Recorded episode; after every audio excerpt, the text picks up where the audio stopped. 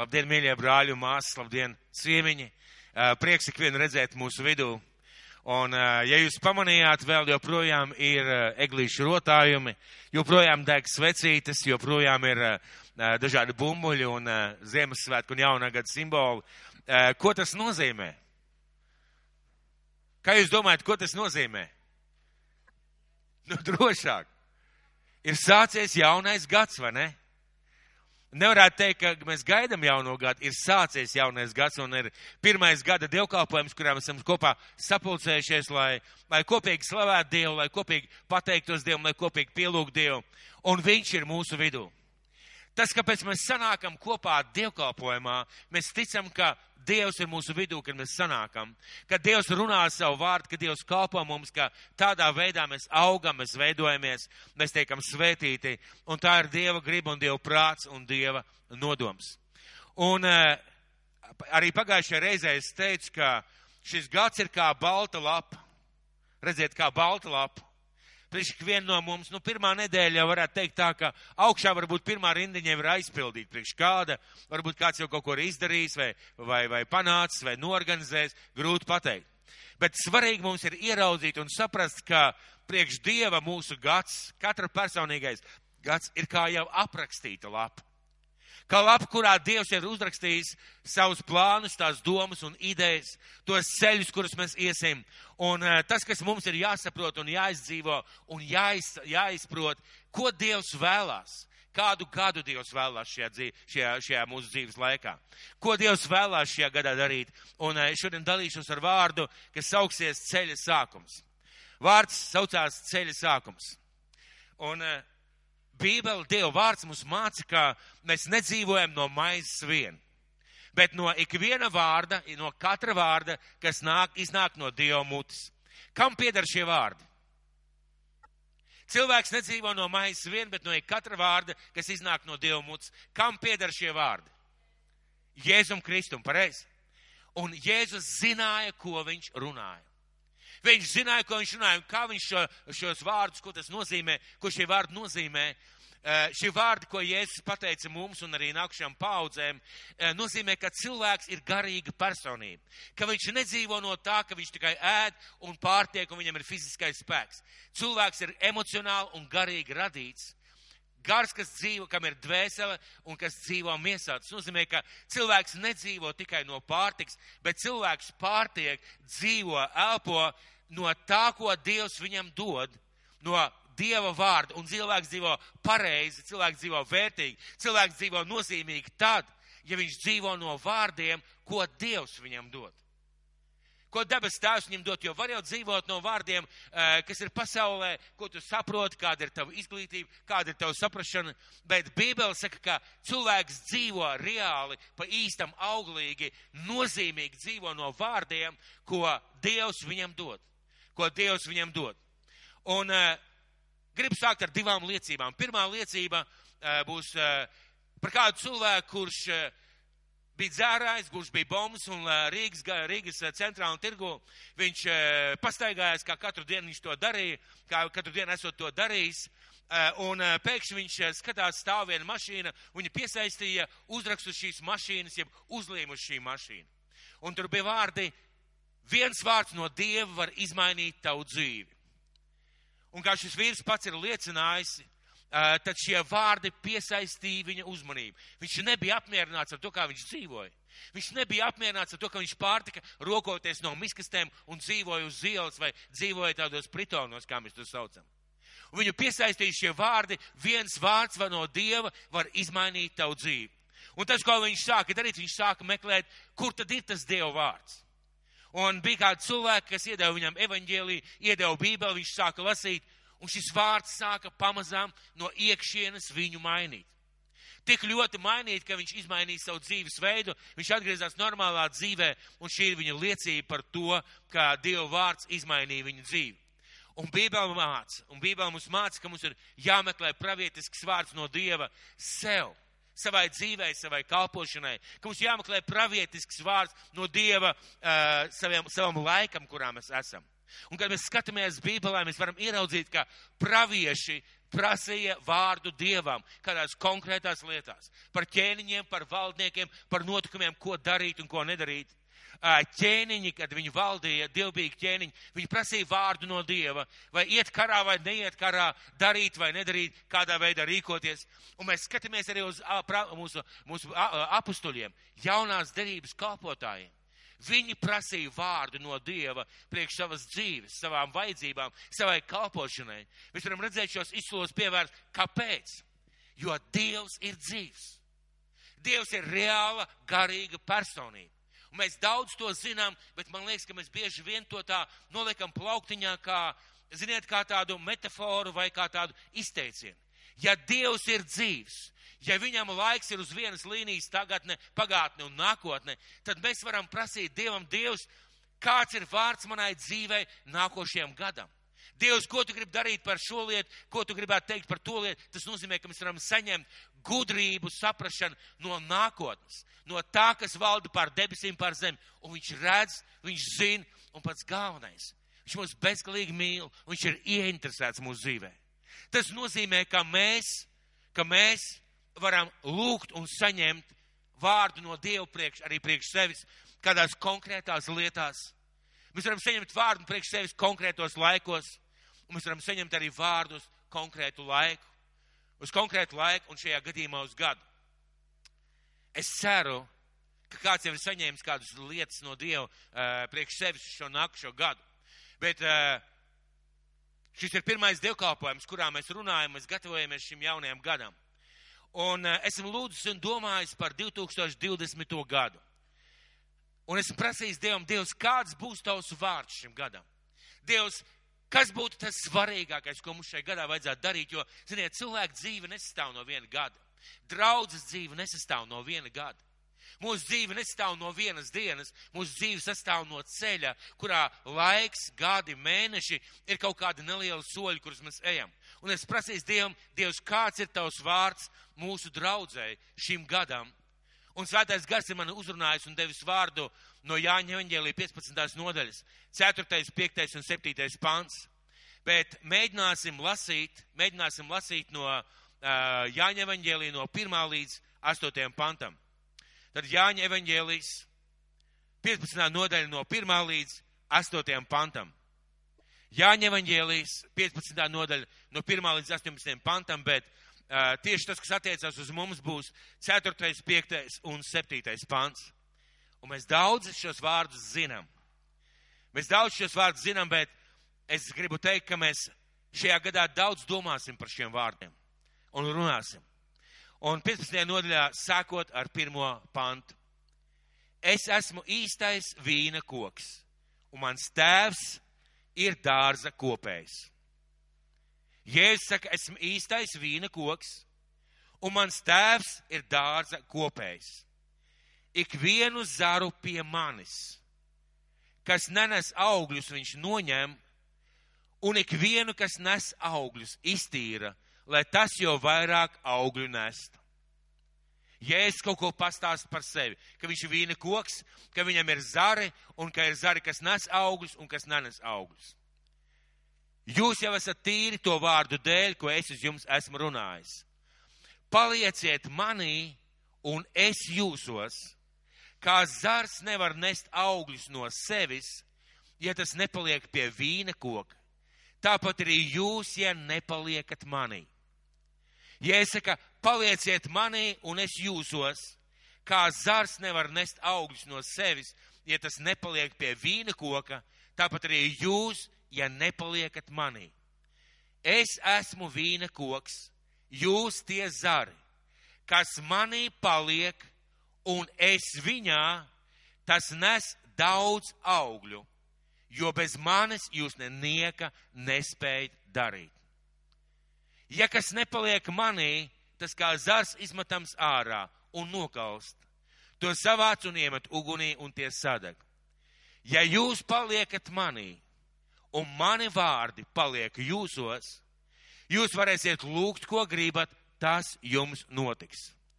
Ar to mans tēvs ir godāts celts, ka jūs nesat daudz augļu un topat par maniem mācekļiem.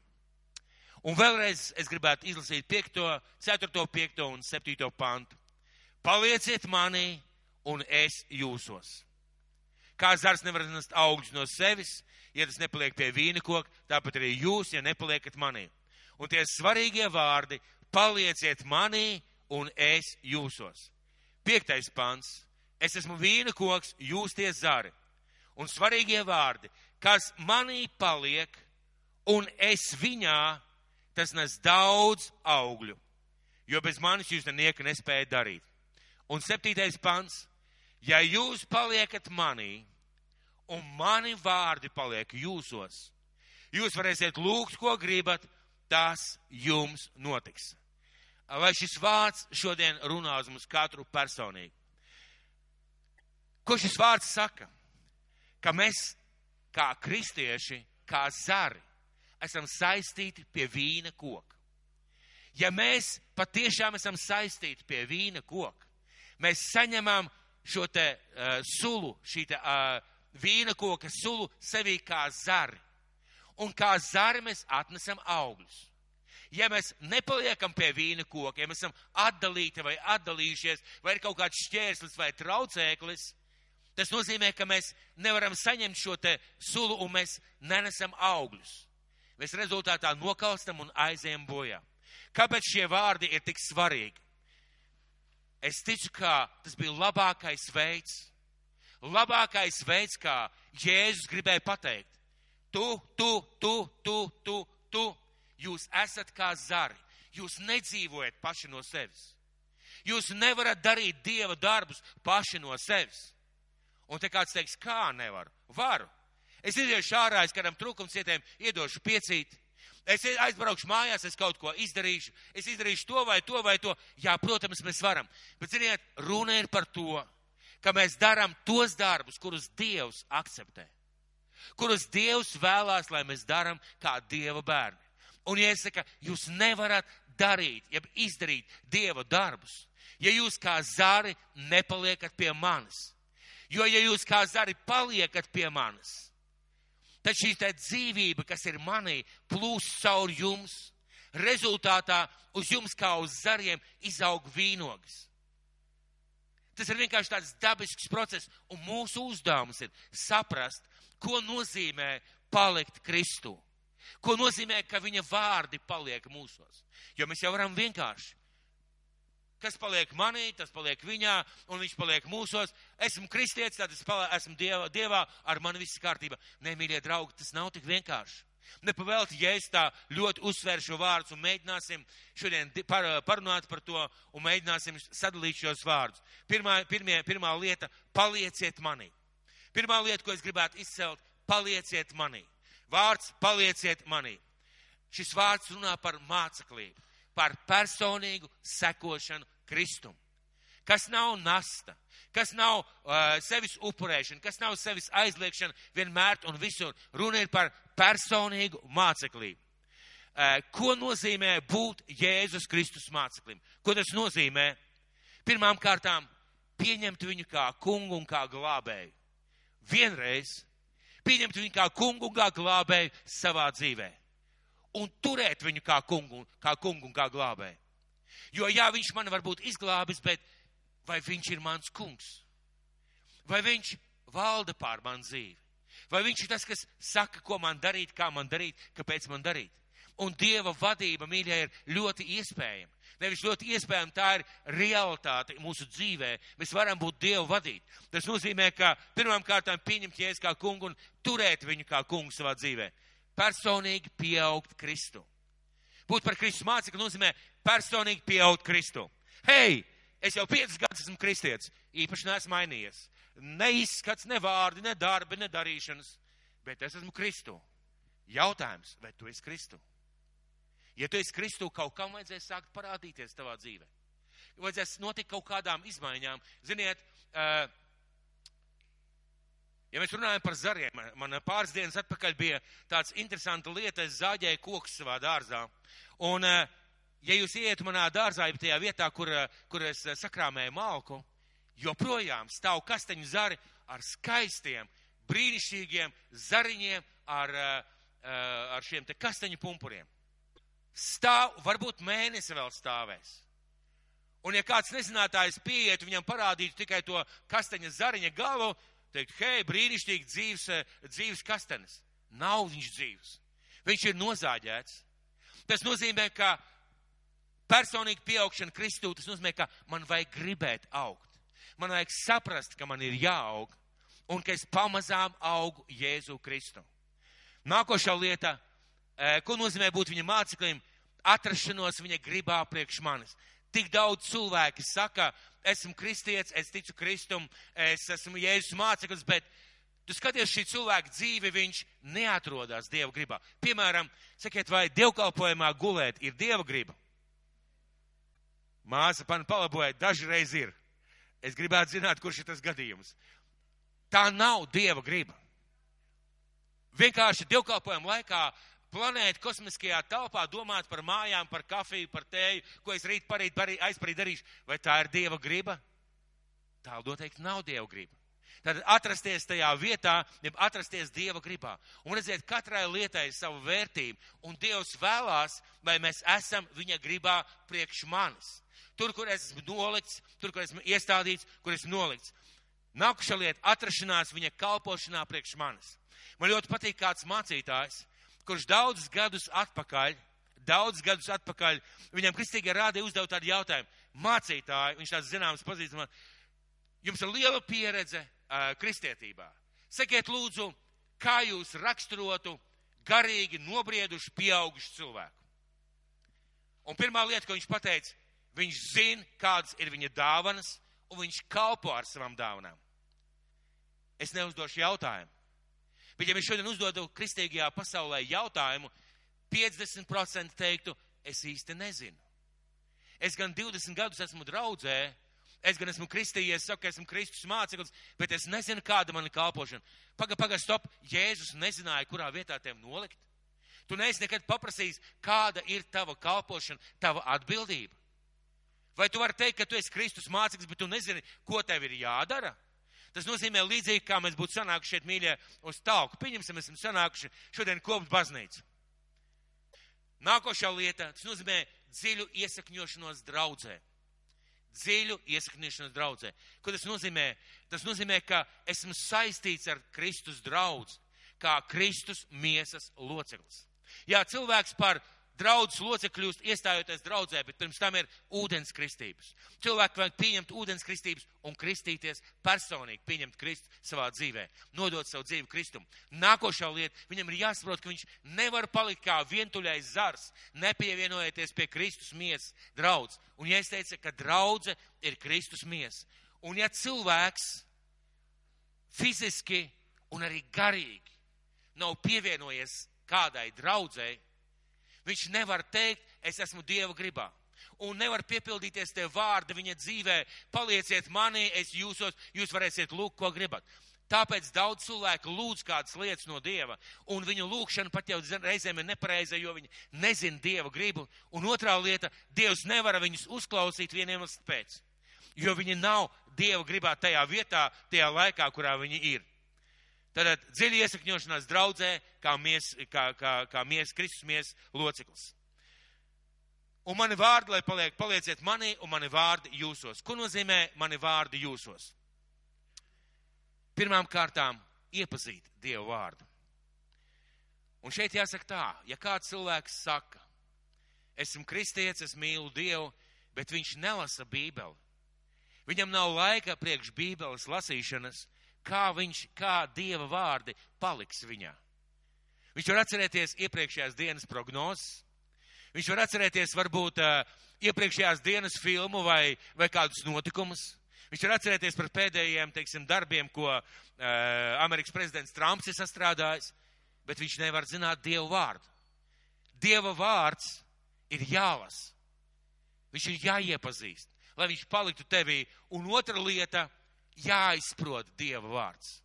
Ne tikai jālasa, bet jās, jāstudē, jācenšas iedziļināties, izprast Dieva vārdu. Par jebkuru tēmu, par jebkuru lietu, izprast Dieva vārdu. Es nesen lasīju, un es atšķiršu to vietu, es nesen lasīju kādu, kādu interesantu, interesantu frāzi no Salmana pamācībām. Ko jūs teiktu par šādu frāzi, ko saka Salmans? Sliņķis rudenī neār, un vasarā viņam nebūs ko pļaut. A kā tas attiecās uz mani? A ko šī vieta, ko Dieva vārds man par to pasaka? Ko Dieva vārds tavā gadījumā par to pasaka? Tas nozīmē, ka nevis vienkārši zināt, bet izprast Dievu vārdu. Un lūk, mani vārdi jūsos nozīmē, ka mēs uh, iepazīstam viņu vārdu, izprotam viņu vārdu, un mēs turam viņa vārdu. Šeit priekšā uz, uh, pirms dievkalpojuma bija mūsu draudzes uh, vērtības. Un pirmā vērtība bija dzīvot pēc Bībeles savā personīgajā dzīvē uh, un uh, draudzē. Tas nozīmē, ka mēs uh, turamies pie tiem vārdiem, kā Dievs ir mācījis, kādas konkrētas lietas darīt vai nedarīt. Mēs turamies pie tā, un mēs neskatāmies uz pasaules pieredzi, pasaules praksi, dažādām kultūrām. Ir lietas, ko mēs vērtējam kā cilvēka kultūru vai šī laika, jeb šī gadsimta vēsmas, bet ir lietas, kas pāri tam, kas ir pāri tam, piemēram, mīlestība, pieklājība, laipnība, labi vārdi, Daudzas lietas ir pāri tam. Un ja šodien, ja šodien, piemēram, ir pierasts, hei, kā tev iet? Piedod noriņu. Jaunieši, jaunieši, piemēram, hei, kā tev iet, kā tev iet noriņu? Sakiet, vai Bībele kaut ko runā par brāļi un māsas? Vai kaut ko runā? Sakiet, jaunieši, cik bieži esat lietojuši vārdu brāļi un māsas? Kāds bieži, kāds retāk? kāds nekad. Piemēram, savstarpējā saziņā vai sasveicināšanās reizēs. Vai cilvēki sasveicinās viens ar otru? Vai laipnība vai viesmīlība ir dieva griba? Ir pareizi. Tad kā šis vārds attiecas uz mani, kā es viņu turu? Ienākot draudzē, vai es sasveicinos ar cilvēkiem? Vai esmu laipni pret saviem kaimiņiem, laipni pret saviem tuviniekiem? Un es varētu minēt tūkstošiem dažādu piemēru, kas ir varbūt arī daudz sarežģītāk un nopietnāk un lielāk. Es izvēlējos speciāli tādas īsas lietas. Vai, piemēram, mīļie draugi, māsas, mēs esam sanākuši šeit kopā, lai, eh, kopā, lai pārunātu Dievu vārdu. Vai kāds man var iedot telefonu? Es atdo, godu vārds atdošu tūlīt atpakaļ. Piemēram, piemēram, manīt saka, mīļie, tagad mēs izlasīsim Dievu vārdu no tādas tādas vietas, pārdomāsim, kopā sludināsim. Un ko es daru? Tā, Facebookā, kas tur notiek? Aha, ko man te atsūtījuši? Me... Ah, kāds runā, jā? Ah, tas nekas, jā, kas man te Facebookā? Vai tas ir Dieva vārdu turēšana? Un cilvēks var teikt, es turu Dieva vārdu. Redziet, es tagad minu tādas ļoti vienkāršas lietas, bet atrasties viņā un lai viņa vārdi atrodu, atrodas manī, palieciet manī un mani vārdi, lai paliek jūsos, nozīmē turēt Dievu vārdu. Rīkoties atbilstoši Dievu vārdam. Un otrā lieta, tad pirmā lieta, palieciet manī un mani vārdi, lai jūsos. Un otrā lieta, piektais pants. Esmu vīna koks, jūs tie zari, kas manī paliek un es viņā, tas nes daudz augļu. Tas nes daudz augļu. Sakiet, kas ir lielākais, svarīgākais auglis mūsu dzīvē, uz ko Dievs mūs aicina. Lielākais, svarīgākais auglis. Varētu minēt daudz pareizi, bet lielākais, svarīgākais - nest evaņģēlī. Lielākais, svarīgākais ir personīgi nest evaņģēlī. Un to mēs darām ļoti dažādi. Bet tas ir lielākais un svarīgākais auglis, nest evaņģēlīju, ja personīga evaņģelizācija.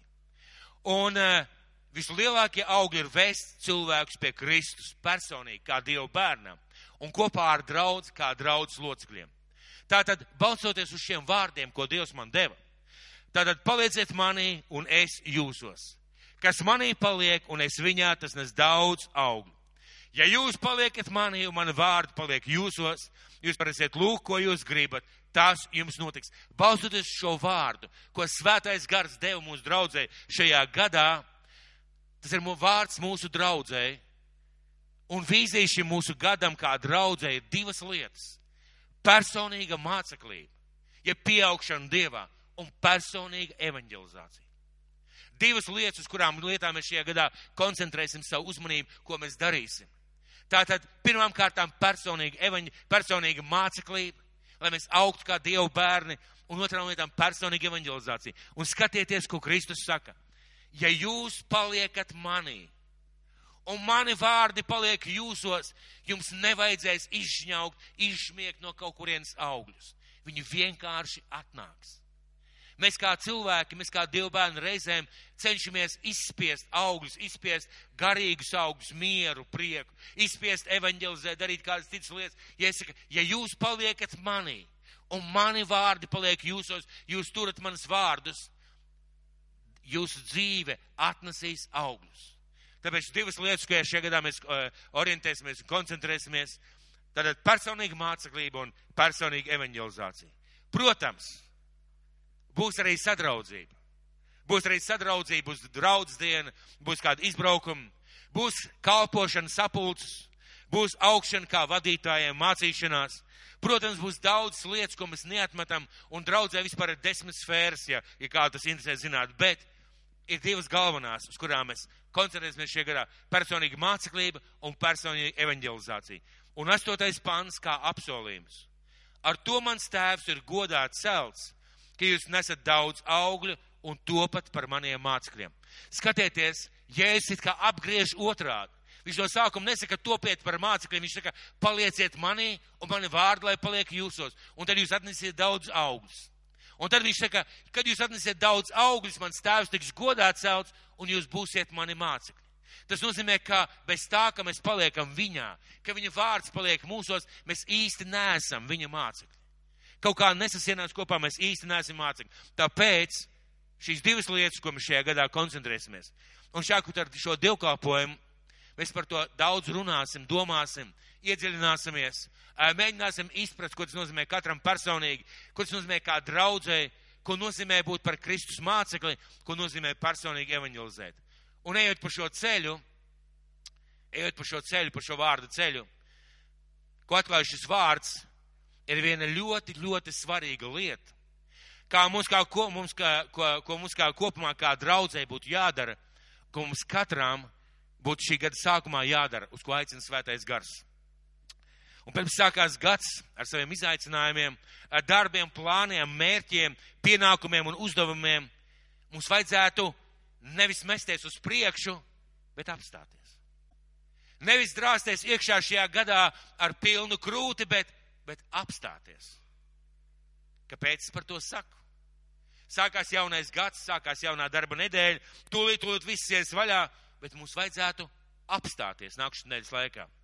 Mums būtu jāveltī laiks, lai mēs personīgi meklētu Dievu par nākošo gadu. Mums būtu jāveltī laiks, lai mēs lūgtu Dievu par uzdevumiem, plāniem, svētībām šajā gadā. Krievu tautības cilvēkiem ir tāds labs teiciens. Apsēdīsimies pirms celiņa. Sēģiem nadarošku. Kāds, kāds ir dzirdējis pareizi? Ļoti laba lieta.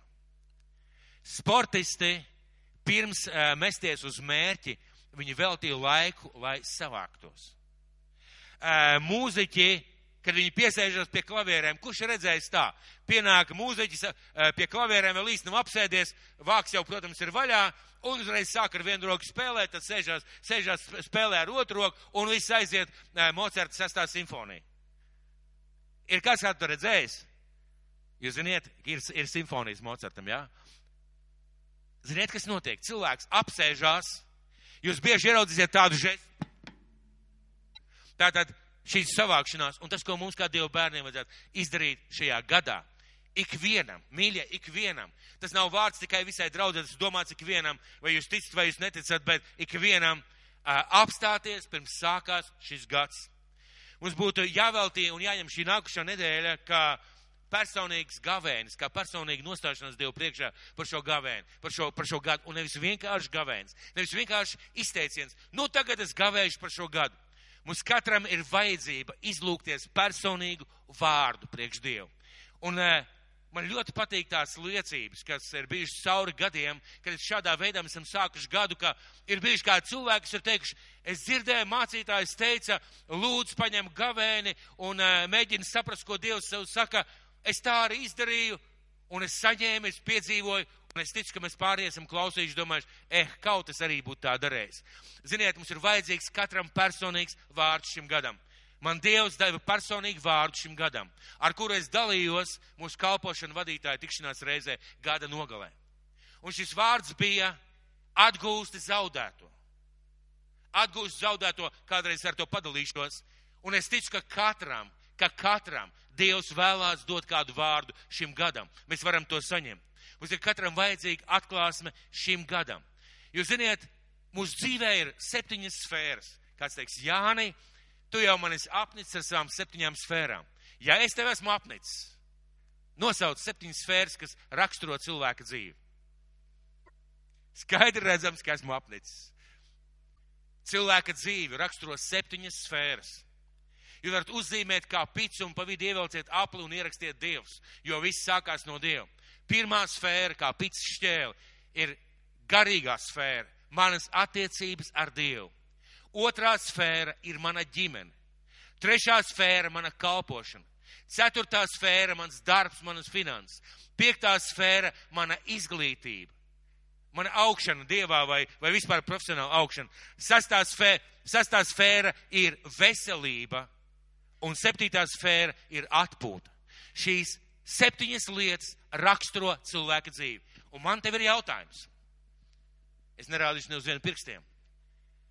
Ko tu gribētu piedzīvot un ko tu gribētu lūgt Dievam savā veselībā nākošais gads? Nu, jā, jau neko, man vispār 25 gadi, 27, vispār vesels kā zirgs, viss kārtībā. Nu, varbūt drusku pa daudz ēdu, varbūt īsti nesportoju, nu, muguras sāp, rokas sāp, galvas sāp, kaklas sāp, principā viss sāp, bet viss ir kārtībā. Ko Dievs gribētu tavā dzīvē izdarīt šajā nākušajā gadā? Ko tu gribētu kopā ar Dievu izdarīt šajā nākušajā gadā? Tava ģimene. Tava ģimene. Varbūt šajā nākušajā gadā tu vēlētos aprecēties. Varbūt šajā nākušajā gadā tu vēlētos saņemt savu otro pusīti. Varbūt šajā nākušajā gadā tu vēlētos beidzot sākt veltīt laiku savai otrai pusē, atdalīt vienu dienu priekš vakaro, vakaros priekš randiņiem. Varbūt tu vēlētos šajā nākušajā gadā veltīt vienu dienu uh, speciāli priekš savas ģimenes. Vai vienkārši, kā kāds brālis teica, viņš, viņš izvēlējās, ka viņš katru dienu, viņam bija trīs bērni, viņš izvēlējās, ka viņš katru dienu ar katru bērnu aprunāsies 15 minūtes. Viņš vienkārši veltīs laiku, atnākot mājās, 15 minūtes ar katru bērnu aprunāsies, un nevis zini, kā, kā tev tur skolā gāja, ak, tev atkal divnieks, ne tev piecinieks, paldies Dievam. Bet kā tev iet? Kā tev šodien gāja? Kā tev iet? Par ko tu domā? A kā ar tavu sportu? A kā ar, tavu, kā ar taviem draugiem? A ko tu gribētu sev nopirkt? Ko tu vēlētos, lai es tev iedod? Redziet, tā ir ģimene, kalpošana. Mēs reizēm vienkārši kalpojam, nedomājot, kā mēs kalpojam. Dievam ir konkrēts mērķis mūsu katra dzīvē. Un, ziniet, es, es esmu gājis, laika gaitā esmu gājis tādā mazumā, jāsaka tā. Ja no sākuma es domāju, ka Dievs man devis piecas talantus, jūs ziniet, to vietas, pieci talanti, divi talanti un viens talants. Jūs ziniet, jā? Ja? Pieci talanti, riktīgi apdāvināts cilvēks. Un, ja no sākuma es kādreiz domāju, Dievs man devis piecus talantus, halleluja, slavu Dievam, es piepelnīšu vēl piecus, tad es, tagad es saku tā, Dievs, es tev pateicu, ka Dievs man vienu talantu. Lūdzu, palīdzi man kaut ko ar viņu izdarīt. Bet kas tas ir tavā kalpošanā? Tavā kalpošanā, tajā kalpošanā, kur tu esi, ko tu vēlēsi šajā gadā sasniegt, kas tev ir jāizlūdz no Dieva, mērķi, uzdevumu, lietas tavās finansēs, tavā darbā. Varbūt tev jādomā par kādu otru darbu, varbūt tev jāmaina darbs, varbūt tev jāuz, lai Dievs sveitī tavu priekšnieku, lai priekšniekam labs prāts tev lielāku algu. Varbūt tev vispār jāsāk domāt čaklāk strādāt vai kaut kas cits darīt. Kas ir tavā darbā? Kas ir tavā izglītībā? Jautājums ir, vai šeit ir kāds, kurš ir šajā gadā nolēmis lasīt grāmatas? Aleluja! Četri cilvēki, pieci, seši grāmatas lasīt. Grāmatas lasīt, ne tikai Bībeli, bet grāmatas lasīt. Mīļie, grāmatas bieži vien ir cilvēku personīgās atklāsmes kādā sfērā, ko Dievs cilvēkiem ir devis. Varbūt jūs varat ieplānot kopā ar Dievu šajā gavēņa laikā viena grāmata mēnesī. Un aizejot mājās šī, šī, šīs nedēļas laikā, salieciet pēc kārtas tās grāmatas, pārdomājiet, kādas jums ir, ko jums vajag izlasīt, salieciet pēc kārtas un mērķiecīgi katru mēnesi vienu grāmatu lasiet. Un ziniet, ir cilvēki, un es tai skaitā, es reizēm saku, man vajadzētu lasīt grāmatas. Paiet pusgads, viena iesākt un tāpat līdz pusē. Bet kā tas veidojās, kad es lūdzu, lai Dievs svētī, lai palīdz, kad izveidoja kaut kādu kārtību savā dzīvē. Un šīs septiņas sfēras, ko Dievs vēlās tavās septiņās sfērās? Un vai tu esi lūdzis, lai Dievs svētī tavu dzīvi šajās septiņās sfērās? Un nelietojiet vārdu septiņas sfēras, nē. Lūdziet katru dienu vai katru, katru reizi par kādu vienu konkrētu sfēru.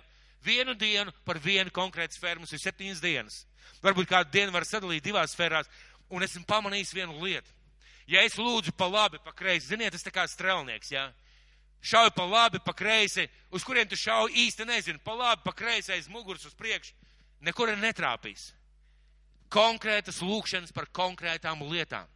Plānojot, lūdzot, prasot, lai Dievs svētī un saņemot vārdu un tādā veidā lūdzot, lai Dievs kaut ko konkrētā svētā, sfērā tu izdara. Kā mēs to izdarīsim? Kā mēs to izdarīsim, kā mēs izlūksim šīs svētības šajās sfērās, kā mēs izlūksim vadību Dievam šajā gadā, kā mēs to izdarīsim, jeb, jeb ko, ko, ko tas darīs? Pirmām kārtām, mēs parādīsim Dievam to, ka mēs tiešām esam atkarīgi no Viņa. Veltījot šo laiku, mēs parādīsim Dievam, ka mēs tiešām esam atkarīgi no Viņa, nevis paši no sevis. Otrā lieta, mēs saņemsim vārdu no Dieva. Iedomājieties, cik tas ir vērtīgs un dārgs vārds no Dieva tavā dzīvē. Un trešā lieta. Mēs sagatavosim sevi šim gadam. Tāpēc nākošo nedēļu, sākot ar pirmdienu, es aicinu uz nedēļas gavēni, un šis gavēņa nosaukums ir Kungs atklāja man savu ceļu. Tā arī ir mana personīga lūkšana, Kungs atklāja man savu ceļu. Kas ir gavēnis? Kas ir gavēnis? Tas ir atsacīšanās no kaut kā uz konkrētu laiku ar konkrētu mērķi meklēt Dieva vadību un Dievu savā dzīvē. Un mēs zinām, ka ir trīs veidi gavēņi. Ir pilnais gavēns, kad cilvēks nēd un nedzer. Bībeli min piemērs trīs dienas, vairāk nē. Ir parastais gavēns, ko sauc, ka tu dzer daudz šķidrumu, dzer daudz ūdeni un tu e, novēlam kādas dienas vienkārši nēst. Tādā veidā to laiku, tos resursus, to spēku veltījot lasīšanai un Dievu vārdu lūkšanai un ir Daniela gavēns, kas ir pieejams jebkuram cilvēkam, jebkuros apstākļos, jebkuros veselības apstākļos. Daniela gavēns ir, kad mēs atsakamies no graznām, ērtām, sev patīkamām lietām. Kad mēs speciāli ēdam ļoti vienkārši, ļoti pieticīgi, varbūt mazāk. Un visu to laiku, visus resursus, visus spēkus veltījām, lai meklētu Dievu, lai lūgtu, lai, lai, lai, lai, lai prasītu Dievam, eh, ko Dievs vēlās šajā gadā izdarīt. Un, protams, mēs atsakamies no telefoniem, pa lielam atsakamies no datoriem, no izklaides, mēs atsakamies no uh, izklaidēm. Mēs vienkārši paņemam vienu nedēļu. Paņemam vienu nedēļu, gada sākumā. Un, ja mēs skatāmies uz lielo gada griezumu, kas ir viena nedēļa? Bet skatieties, kas notiek šajā vienā nedēļā. Jūs šo vienu nedēļu veltiet tam, lai jūs, kā es minēju, mazāk ēstu, mazāk dzertu, mazāk lustētos un aiziet uz darbu, atnākat no darba. Jūs vienoties ar savu ģimeni jau šodien, piemēram, ka nākošajā nedēļā nesāksim nekādus darbus, nemaksāsim, nemazgāsim lielos vēl kalnus, netaisīsim ģenerālu remontus, netā, netīrīsim, netaisīsim mājas tīrīšanu. Es esmu savā darbā, es daru savu pie, savus pienākumus, atnākot mājās, izdara tikai nepieciešamo, un es veltu laiku lasīšanai un lūkšanai, konkrēti pa sfērām, konkrēti pa tēmām, un es lūdzu Dievs svētī man ģimeni. Vienu dienu svētī man ģimeni, Dievs vienu dienu svētī manas finanses, nākušā diena svētī manas, manas attiecības ar tevi. Es lasu vārdu par to tēmu un lūdzu par to tēmu. Tādā veidā mēs sagatavojam sevi tam, lai Dievs varētu uz mums runāt, un Dievs arī noteikti runās. Cik tas ir pareizi?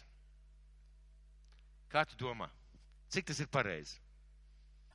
Kāds teiks, Jāni, tev iespējams, man noteikti nē, jo man nav laika. Es strādāju pasaules glābšanas misijā. Un ja vienu nedēļu es būšu neaktīvs savā atpūtā, eh, Facebookā, internetā, ja vienu nedēļu es nedarīšu pasaules glābšanas darbus, tu zini, Jāni, kas notiks? pēc nedēļas debesu vairs nebūs. Pasaule būs sagrūs. Visi pasaules darbi būs beigušies. Mana dzīve būs pilnīgi sagrauta. Man jūs jāpēdina. Tā noteikti nebūs. Bet pēc šīs nedēļas jūs būsiet nedaudz savādāki. Un pēc šīs nedēļas jūsu dzīve uz nākšu gadu būs nedaudz savādāka. Cik tas ir pareizi? Vai tā ir Dieva griba? Vai tā ir Dieva griba priekš, tieši priekš katra cilvēka, kas ir šajā zālē? Varbūt mācītājiem, varbūt kalpošanu vadītājiem, lai runā vārds, lai runā Dieva vārds. Un, kā es teicu, paliksim Dieva vārdā. Un es vēlos lasīt četras vietas, uh, nedaudz komentējot katru vietu. Četras vietas, uh, ko, mēs, ko mums vajadzētu pārdomāt šodien. Un pirmā vieta būs no Ezras grāmatas, no vecās darības. Pravietis Ezra 8. nodaļa, 21. 23. pants. Nestāstīšu ļoti gari un ilgi, ko nozīmē šī vieta, par ko šī vieta runā. Bet ziniet, par ko ir stāsts? Pravietis Ezra no Dieva saņem uzdevumu atgriezties atpakaļ Jeruzālēmē un atjaunot Dieva namu. Ļoti svēts, svēts, cēls un Dievam patīkams mērķis. Viņš runā ar ķēniņu, un ķēniņš viņam atvēl līdzekļus, atvēl visu, kas ir vajadzīgs, palaiž viņu vaļā, ej, dari kārto šīs lietas. Bet pravietis Jezra nav vakar, vakar, vakarējis. Viņš nav iesācējis. Viņš zina, ka vienkārši ej un dari nestrādā. Viņš zina, ka viņam ir vajadzīgs izlūgt no Dieva svētību un palīdzību un skatieties. 8. nodaļa 21. pants. Un es izsludināju tur gavēni pie Ahavas upes. Kāpēc? Lai zemotos mūsu Dievu priekšā un izlūgtos no viņa līdzenu ceļu sev pašiem, mūsu maziem bērniem un visai mūsu mantai. Bet es kaunējos prasīt no ķēniņa karaspēku un jātniekus, kas lai aizsargātu mūsu ceļā no ienaidnieku, jo mēs bijām sacījuši ķēniņam tā. Mūsu dieva roka valda pār, glā, pār glābiņu, pār visiem, kas meklē viņu, un viņa vara un dusmas ir pret visiem, kas viņu atmet. Tā mēs gavējām un lūdzām no mūsu dieva palīdzību šī lietā, un viņš ļāvās pielūgties. Mīļie, Viņi iziet cauri tā laika laupītāju pilnajiem apgabaliem, karas kartiem apgabaliem ar milzīgām bagātībām. Viņi iziet ar zeltu, ar sudrabu, ar dārgakmeņiem. Viņi iziet mazskaitlīgs pūks, ja tā varētu teikt, salīdzinām ar to, kas viņam varēja notikt. Viņi iziet, viņi uzbūvē šo dievu namu. Kāpēc? Ezra pateica, Dievs, pat tavus plānus, pat tavus uzdevumus es neesmu gatavs darīt bez tevis. Es gribu to, lai, man svē, lai tu man svētē, lai tu man palīdzi, lai tu man pasargā. Rezultāts viņi izsludina gavēni un viņi gavē. Sakiet, vai Jēzus ir mūsu piemērs? Sakiet, vai Jēzus Kristus ir mūsu piemērs? Vai mums būtu jāskatās uz Kristu kā uz mūsu piemēru? Kā jūs domājat, māsiņa, vai Kristus ir mūsu piemērs? Ja viņš kaut ko darīja, mums arī vajadzētu mēģināt. Pareizi. Izņemot, protams, krustā sišanu. Skatāmies. Lūkas evaņģēlijas 4. nodaļa. Lūks evaņģēlis 4. nodaļa, sākot no 1. panta. 4. nodaļa, 1. līdz 3. un pēc tam 14. pants. Gribu pateikt, kas notika pirms tam. Pirms tam Kristus kristās. Jānis Kristītājs viņu kristu. Svētais gars redzamā veidā uz viņu nonāk kā balodis. Kur vēl vairāk liecības? balss atskan no debesīm visiem dzirdamā, tu esi mans mīļotais dēls, uz ko man ir labs prāts. Ko vēl vajag? Uz priekšu. Slunāt evaņģēlī, bet skatieties, kas notiek. Ceturtā nodaļa, pirmais pants. Bet Jēzus, svēta gara pilns, aizgāja no Jardānas. Un garā tāpa pa tūkstnesi vadīts 40 dienas un vēlna kārdināts. Šīs dienās viņš nekā nebija ēdis, kad tas bija pagājuši, viņam gribējās ēst. Viņš 40 dienas staigāja pa tuksnes. Tikai lai vēlns viņu kārdinātu. Nē, mīļie draugi, viņš 40 dienas gatavojās savai kalpošanai. Viņš gatavoja sevi emocionāli un garīgi.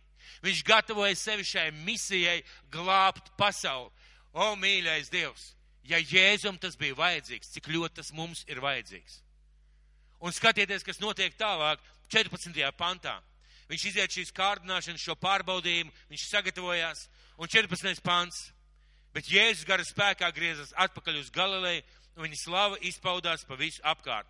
Un sākās svētā gara vadīts, iegāja tuksnesī, un ārā viņš iet svētā gara spēkā. Redziet, kad mēs esam pavadījuši laiku kopā ar Dievu, mēs izmainamies. Pat Kristus izmainījās. Viņš izgāja svētgara spēkā un slava izpaudās. Viņš vēl neko nebija izdarījis, bet slava jau izpaudās par viņa dzīvi. Vēl kāda lieta.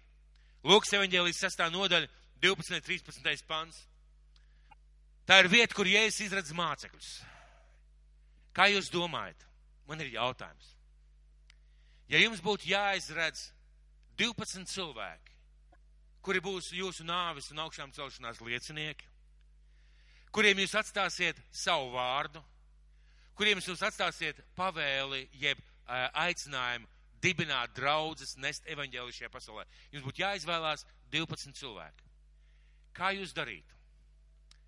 Droši vien nomazgāt rokas un sūkāt īkšķi un, prasa, un domāt tā, kuru lai es izvēlos. Tas, tas, tas, nē, nē, šito, nē, tas izskatās gudrāks. Ņemsim šito. A, tas ir bagātāks. Viņš vairāk varēs izdarīt. A, tas ir jaunāks, tas ir talantīgāks. Mēs tā darītu. Ja mēs gribētu uzticēt kaut ko tik vērtīgu kā evaņģēlī, ko mēs darītu? Un kā jūs domājat, ko Jēzus darīja? Skatāmies kopā, ko darīja Jēzus. Lūkas evaņģēlijas 6. nodaļa 12. pants. Bet notika tenīs dienās, ka viņš aizgāja uz kalnu Dievu lūgt. Un viņš pavadīja visu nakti Dieva lūgšanā. Un kad gaisma ausa, tad viņš sasauca savus mācekļus un izredzēja no tiem 12, kurus viņš nosauca par apustuļiem. Jēzus visu nakti pavadīja runājot ar tēvu, kuri ir tie cilvēki, kurus aicināt. Viņam pakaļ gāja simtiem cilvēku, pat tūkstošiem. Bija kādi tuvāki cilvēki. Jēzus jau visu nakti pavadīja, lūdzot Dievu, Dievs, kā man uzticēt šo kalpošanu būt par apustuļiem, kā man uzticēt tavu evaņģēliju. Tātad Jēzum bija uzdevums, teiksim, tātad izredzēt cilvēks, kam iedod Dievu valstību. Viņš nedrīkstēja kļūdīties. Pat Jēzum vajadzēja veltīt laiku, lai lūgtu Dievu par to, kas būs šie apustuļi. Un pēdējā vieta, ko es, ar ko es gribētu padalīties, Tā būs no Iesaijas grāmatas 30. nodaļa. Iesaijas grāmatas 30. nodaļa, 15. 16. pāns. Iesaijas grāmatas 30. nodaļa, 15. 16. pāns. Un tur ir ļoti interesants stāsts. Uh, Izrēlām nāk virsū ienaidnieks. Nāk virsū ienaidnieks, viņiem ir uh, kādas domas, ko viņi gribētu darīt. Viņi Eh, zināmā mērā pravietis nāk pie viņam ar vārdu, bet viņiem ir ideja, ka viņi laidīsies lapās, ka viņi laidīsies projām uz citu valsti, beigs vienkārši. Un eh, Dieva vārds nāk pār pravieti Jesai, un lūko pravietis Jesai saka šiem cilvēkiem. Jo tā saka Dievs tas kungs, Izraels svētais. Atgriežoties un paliekot mierā, jūs taptu izglābti mierā un paļāvībā jūs atrastu spēku. Mierā un paļāvībā jūs atrastu spēku. Bet jūs negribat. Jūs sakāt, nē, mēs tad jau drīzāk dosimies projām ar zirgiem. Nē, man nebūs laika nākušo nedēļu veltīt, es labāk dūšīgi strādāšu. Nē, man nebūs laika nākošo nedēļu veltīt tev, Dievs, es labāk darīšu mājas darbus. Nē, Dievs, es kaut ko darīšu, jo man nebūs laika. Mēs tad jau drīzāk dosimies projām ar zirgiem. Nu tad skrieniet arī. Ar ātriem zirgiem mēs jāsim. Nu tad jūsu vajātāji arī, lai būtu tādi atskrējēji. Tūkstots jūsējo bēgs no viena vienīga vīra kara sauciena. No piecu vīru kara saucieniem jūs beigsiet visi, kam jūs paliksiet pār tikai kā ceļš taps kalna galā, kā karoks pakalnā. Ko Dievs ar šo vietu saka? Ziniet, mīļie draugi, mēs dzīvojam laikmatā. Mums ir, mums ir pierasts. Mums ir loģiski saprotams. Ja kaut kas ir jādara vai jāizdara, ieslēgt septīto ātrumu. Vai kāds zina, ka mašīnām ir septiņi ātrumi? Pieci ātrumi, viena atpakaļgaitā, jā? Ja? Viens, viens, viens ātrums ir atpakaļgaitā. Un kādreiz, kādā mašīnām ir seši ātrumi un septītais ir atpakaļgaitā. Mums ir pierasts, kad ir kāda vajadzība vai kāda lieta ieslēgt vēl papildus ātrumu. Mēs esam pieraduši vēl papildus strādāt, vēl papildus darboties. Mēs nemākam apstāties. Mīļie draugi, mēs, mūsu problēma, ka mēs nemākam apstāties. Mums ir daudz pierastāk un vienkāršāk uzņemt apgriezienus, nekā noraut bremzes un apstāties. Un ko Dievs šajā vietā saka? Ko Dievs šajā vietā saka? Apstājoties un paliekot mierā, paliekot ar mani, jūs saņemtu visu, kas jums ir vajadzīgs. Bet, ja jūs domājat skriet, ja jūs domājat drāsties uzreiz kaujā, ja jūs domājat uzreiz beigt ar zirgiem un darīt visu, ko iespējams, jūs beigsiet. Bet tās problēmas, tās vajadzības, tās situācijas jūsu dzīvē jūs panāks. Un jūs vienkārši stāvēsiet pie sasistas silas. Kāpēc? Tāpēc, ka šajā vietā pravietis iesaist saka, atgriežoties un paliekot mierā, jūs taptu izglābti. Mierā un paļāvībā jūs atrastu spēku. Un tas ir tas, uz ko es šajā nedēļā aicinu ikvienu, mīļie draugi. Aicinu uz vienu. Ikvienu mums vajag šajā nedēļā apstāties. Vienkārši apstāties savā skrējienā darīt visu nepieciešamo, bet veltīt laiku, lai lūgtu Dievu, lai prasītu Dievam, lai kopā ar Dievu plānot un lai izlūgtos viņu svētību šim nākušajam gadam. Ziniet, un tā ir izvēle. Tā ir izvēle. Tā ir izvēle. Tas nav tā, ka es strādāju un man nav izvēles. Jo no rīta es pamostos, man jāpēta brokastis, pēc tam man jābrauc uz darbu, atbrauc un darba man ir veļa drēbes, eh, remonts, kārtošana, darīšana, vispārējais lietas. Mīļie, mēs pat mājas grupas šajā nedēļā apstādinām. Mēs šajā, šajā nedēļā pat neaicinām nevienu uz lūkšanu, eh, lūkšanu kalnu. Šajā nedēļā mēs neorganizējam nekādu pasākumu draudzē viena iemesla dēļ.